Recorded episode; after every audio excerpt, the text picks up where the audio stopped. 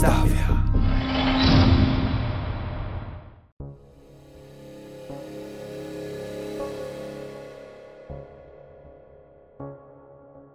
Marcin Rojek. Wywiad.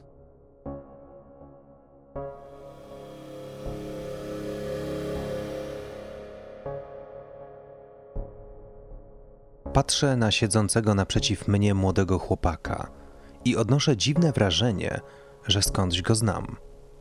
Przydługa, chuda twarz, otoczona rzadkimi czarnymi włosami, oczy w kolorze mułu rzecznego i płaski nos. Wątpię, żeby miał dziewczynę. Popełnił ponadto przy mojej osobie błąd niewybaczalny. Mianowicie, mieszając herbatę, którą mu podałem, tłukł niemiłosiernie łyżeczką o brzegi szklanki.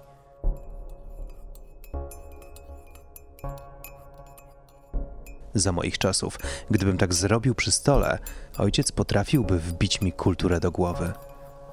Dziś, w czasach bezstresowego wychowania i uzależnienia od internetu, jedne wymoczki wychowują inne wymoczki i żaden z nich nie byłby w stanie obronić się, gdyby zaszła taka potrzeba.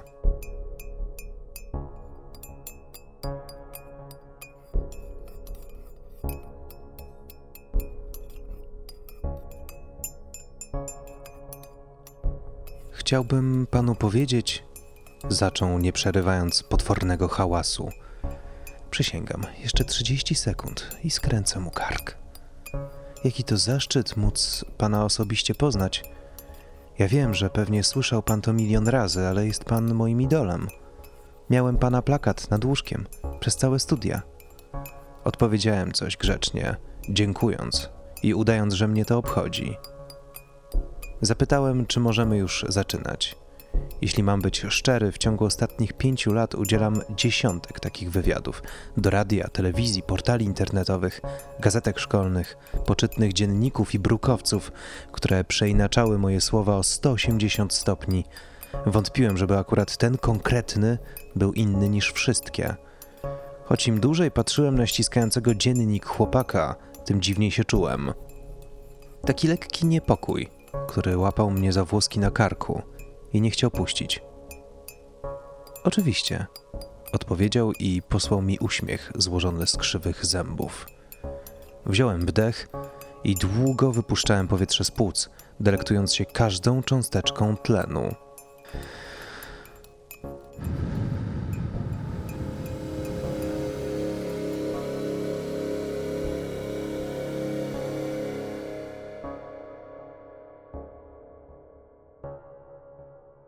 Podziemiach bloku jest potwór. Tyle nam powiedzieli. Budynek jak milion innych, stawianych kilka lat temu, na pozór nie wyróżniający się niczym. Tyle, że w nocy lokatorzy słyszą krzyki, a populacja bezdomnych drastycznie się zmniejszyła. Nikt by się tym nie przejmował, gdyby nie to, że któregoś dnia matka z dzieckiem zeszli do piwnicy po rower i już nigdy nie wrócili. Działo się to w biały dzień. Ludzie widzieli, jak otwierają się drzwi, dwie osoby wchodzą, drzwi się zamykają. Pięć minut później słychać okropny krzyk. Trwa on może kilka sekund, urywa się jak cięty nożem. No i wtedy zadzwonili do nas. Nikt normalny nie zszedłby tam z własnej woli. A my, no cóż, no normalni nie byliśmy. My byliśmy twardzi, zaprawieni w bojach z różnymi dziwactwami. Wiedzieliśmy, jak je zabić. Na każdego potwora znajdzie się sposób. Najlepszym jest kilka kul między ślepia.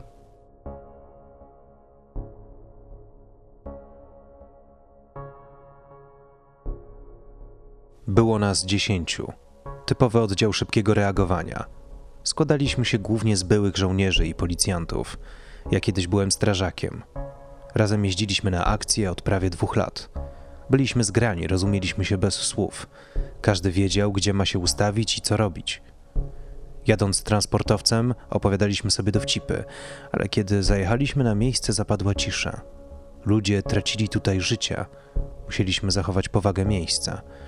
No i trochę chodziło o zachowanie wizerunku. Chłopak zachichotał, wciąż jednak notował wszystko, co mówiłem, wlepiając swe mętne oczy w moją twarz i ani razu nie spojrzał w notesik, nawet przy przekręcaniu kartek. Kark świeżbił mnie coraz mocniej.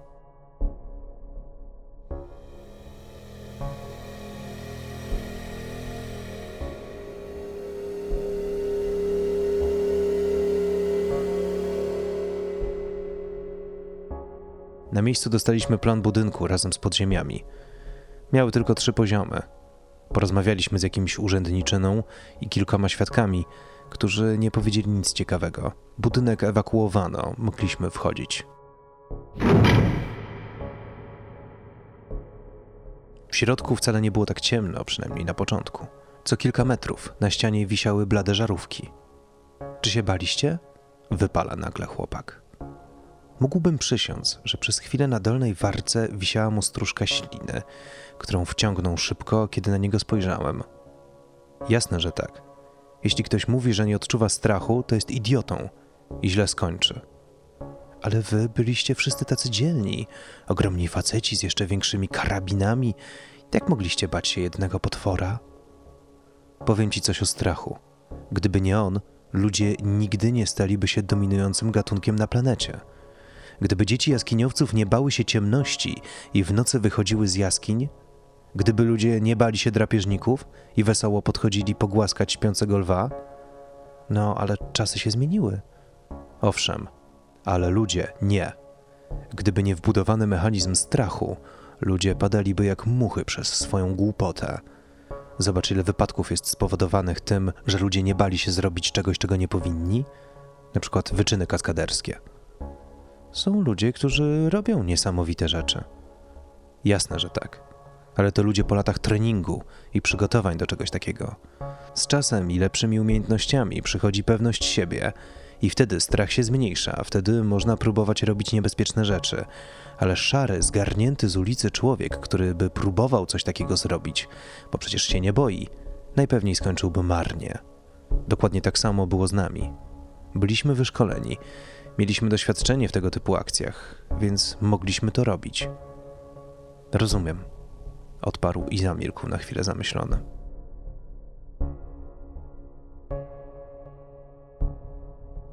Dla mnie strach to taki mały duszek, który siedzi ci na ramieniu i czasem mówi do ciebie, na przykład nie idź tam debilu, bo coś sobie zrobisz. Aha, czy wtedy tam w piwnicy słyszał pan swojego duszka? Jasne. Mówił, uważaj na siebie debilu, nie bądź zbyt pewny siebie. Chłopak zaśmiał się nerwowo i kontynuował pisanie. No więc zeszliście na dół i co dalej? Co za dziennikarz zaczyna zdanie od no więc?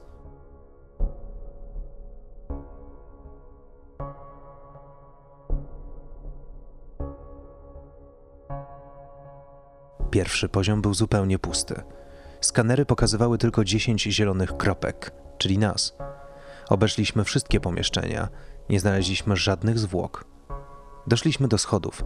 Na drugim poziomie było dużo szczurów, ale nie zmutowanych. Uciekały przed nami do dziur w ścianach. Jeden tylko odważniejszy stanął nam na drodze. John rozwalił mu czaszkę butem.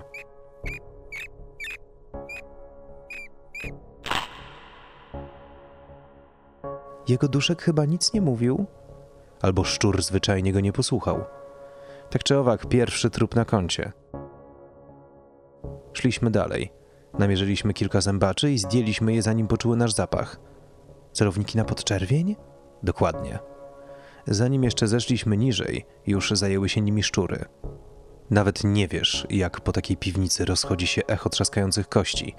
Naprawdę mrozi krew w żyłach. I wciąż żadnych ciał? Mhm. Wniosek był prosty. Poczwara siedzi na samym dole, a nawet jak złapie kogoś wyżej, jak tą nieszczęsną kobietę i dziecko, to zaciąga ich niżej. Pewnie ma tam legowisko. Skupiliśmy się jeszcze bardziej. Kolejne schody i byliśmy na trzecim poziomie.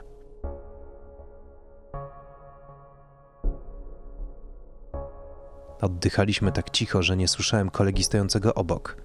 Skanery wciąż milczały. Ostrożnie posuwaliśmy się naprzód. Rozkład pomieszczeń nie odpowiadał temu na mapie, bo żadnych pomieszczeń tam nie było.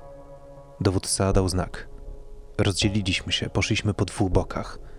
Mój duszek wołał cicho, żebyśmy zostali razem, ale cóż, rozkazy to rozkazy. W ten sposób szybciej znajdziemy to, co czekało na nas w ciemnościach.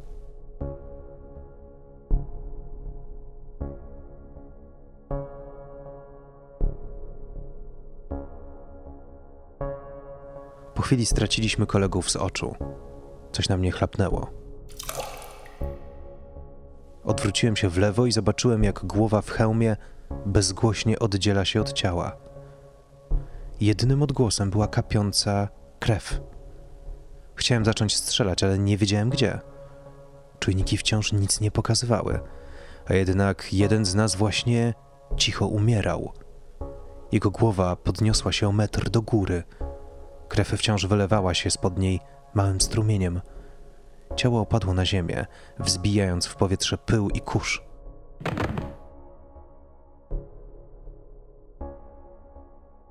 Wtedy właśnie reszta oddziału odwróciła się do nas. W sam raz, żeby zobaczyć, jak hełm zapada się do środka z odgłosem zgniatania i znika w ciemnościach.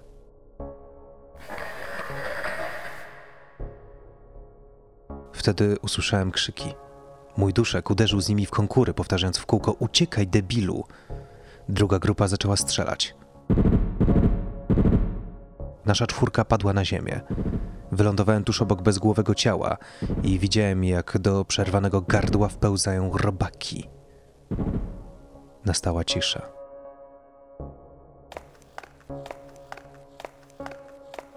Po ułamku sekundy do naszych uszu dobiegło echo szybkich kroków. Wstaliśmy. Jeden członek drugiej grupy biegł do nas bez hełmu i broni. Znów zaczął krzyczeć. W oczach miał szaleństwo. Jakby to, co zobaczył w ciągu tych dwóch minut, wyprało z niego całkowicie człowieczeństwo. Przypomniałem sobie wiszącą w powietrzu głowę i wcale mu się nie dziwiłem. R ratunku. Wybełkotał łamiącym się głosem. To coś ich zabiło. Nic nawet nie zobaczyliśmy, oni po prostu umarli. Choć strzelaliśmy wszędzie nikt nic nie trafił. Wtedy to się stało. Zrobiłem dłuższą pauzę, żeby zwiększyć dramatyzm. Czujniki zawyły, jak dzikie psy, a całe ich ekrany mrugały na czerwono. Jakby to stworzenie było wszędzie, naraz. Spodziewaliśmy się, że coś wyjdzie ze ścian i zacznie nas atakować. Jednak przez kilka minut nic się nie działo. Staliśmy napięci i czekaliśmy na coś, w co można strzelić. Otoczyliśmy rannego, który cicho łkał. Skanery zamilkły.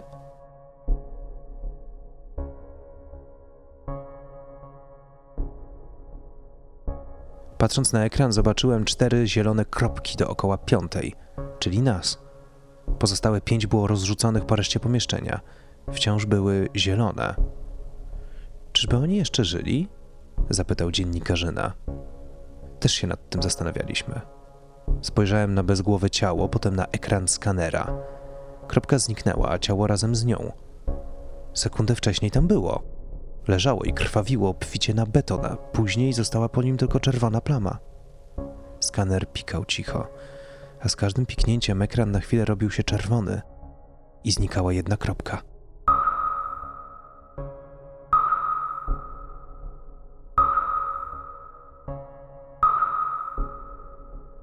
Zostały tylko cztery.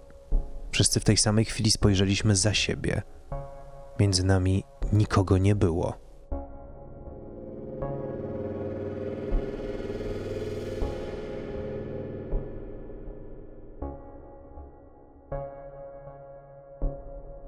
Nie miałem nawet czasu pomyśleć o tym, co właściwie się dzieje, kiedy któryś zaczął strzelać. Reszta bezwiednie poszła jego śladem. Pruliśmy ogniem na wszystkie strony, trafiając tylko ściany i podłogę.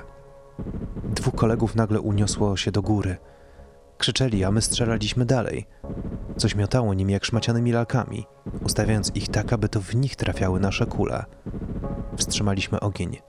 Dwa hełmy uderzyły o siebie z okropnym trzaskiem, którego echo poniosło się po całej piwnicy. Mógłbym przysiąc, że usłyszeli je nawet na powierzchni. Głowy chłopaków zawisły bezładnie, a usta zamilkły. Patrzyłem na to, jak ich nieruchome ciała robią się coraz mniej wyraźne, by po chwili całkowicie zniknąć mi z oczu.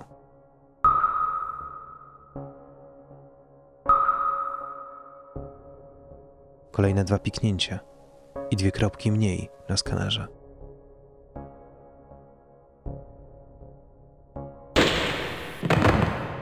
Słyszałem pojedynczy strzał, a potem upadające na beton ciało. Odwróciłem się szybko, tylko po to, żeby zobaczyć kolejne znikające ciało. Pyk. Zostałem sam. Lubię, jak sami to robią, powiedział dziennikarz. Co proszę? Zapytałem zbity z tropu. Skąd on? Nic, nic, nie, niech pan mówi dalej. Jasne. Jak mówiłem, byłem sam. Po głowie latały mi tylko nic nieznaczące już teraz określenia, którymi opisywali nas kiedyś ludzie. Wszystkie okazały się błędne. Wystarczył jeden dziwak, którego nawet nie widać, żebyśmy wszyscy umarli. Wszyscy? Uśmiechnął się do mnie dziwnie. Niepokój na karku rwał mnie jak kowal, który postanowił zostać dentystą. No prawie wszyscy. Poprawiłem się. A co było potem? Skoro kule nie robiły mu krzywdy, miałem tylko jedną szansę. Granaty pulsacyjne? Tak. Ale wiedział pan, że to może zniszczyć cały budynek? Nie miałem wyjścia. Wyjąłem z paska granat. Ten? Wyciągnął do mnie dłoń, na której leżał mój granat. Wziął go do ust i połknął. Bez gryzienia. I tak nie zrobiłbyś mi nim krzywdy. Spojrzałem na jego uśmiechniętą twarz i już wiedziałem, skąd ją znam. To twarz istoty, która właśnie trzyma mnie za gardło.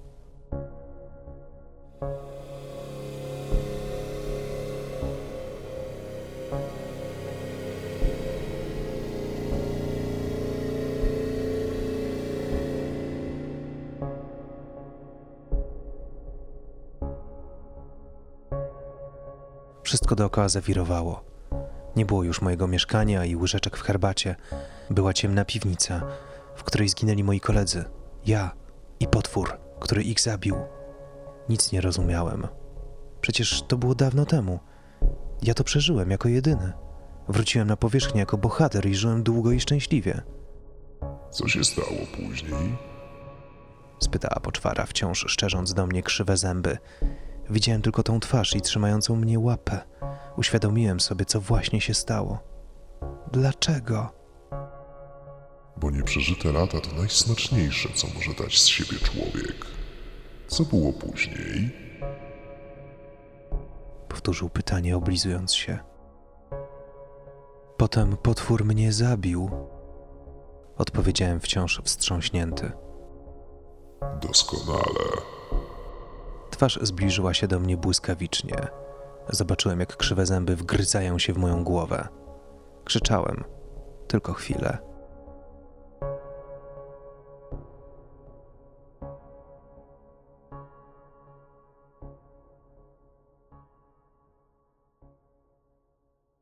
Czytał Błażej Grygiel.